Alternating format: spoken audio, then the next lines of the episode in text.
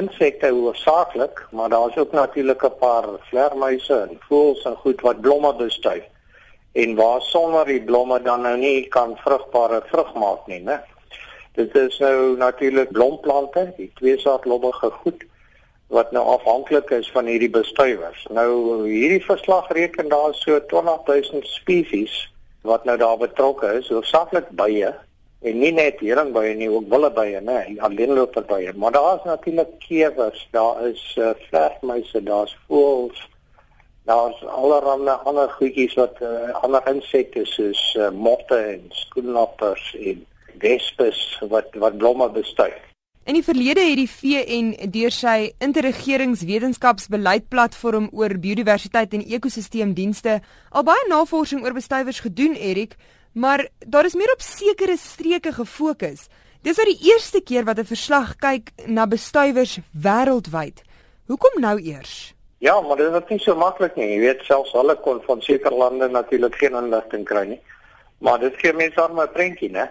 Die VN het bevind dat bestuivers se getalle aan die afneem is, beide in die natuur en in gekontroleerde omgewings. Hoekom is daar al hoe minder bestuivers op aarde? Hulle sê so 'n bietjie klimaatsverandering begin 'n rol speel want soos jy goed nou die klimaat verander, verskuif die goed se tye wat hulle uitkom en dan klop die blomme en die insekte se uitkomtyd nie meer nie. Ag, maar dis klein faktore op die grond.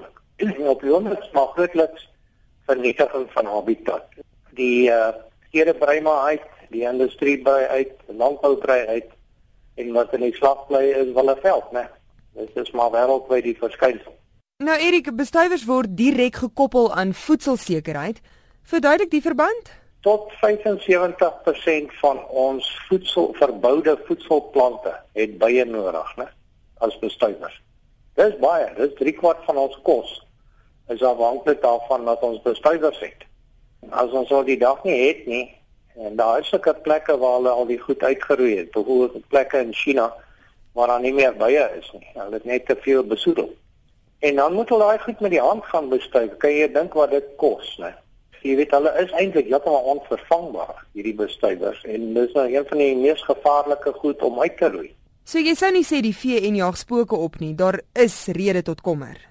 Ah ja, en ek meen die bye wat op hulle beurt alleen omtrent so 3 kwart van ons blomme bestuif.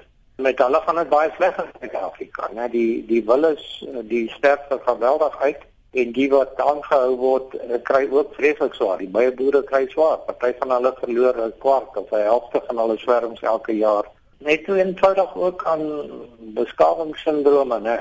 Ek meen goed wat verdwaal onder hoogspanningslyne, goed wat deur karre op die pad uitgery word en so meer en so meer, né? So hoe meer beskawing en tegnologie jy kry, hoe swaarder leef die bye op maar, hè?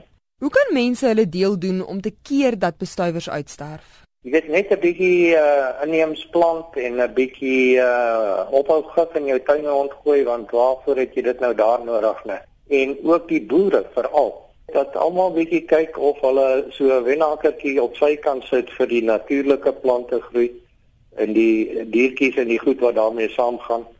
Dit sal 'n ver pad gaan. En jy kan natuurlik vir wilde heuning baie dieselfde doen as wat die ouens doen vir uile en vlermuise, die maak hulle neste. Want baie keer soos hier op die hoofveld is dit die groot beperking. Ek weet waar gaan die goed bly nê? Daar is nie meer wille hol boomstompe of termietneste wat dood is of so nie.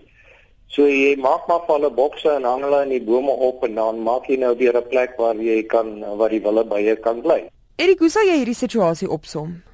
Dis 'n krisis, hoor, dis nou al 'n krisis. Dis nie eers wat dit kom nie. Die ouens kan nie voorbly met baie swerms steeltjie in die tempel wat die goed uitvrek nie. En die regering is so laks Byvoorbeeld hierdie invoer van heuningprodukte was altyd belet geweest. Nou op die oomblik kom die goed van China en allerlei plekke in, jy weet.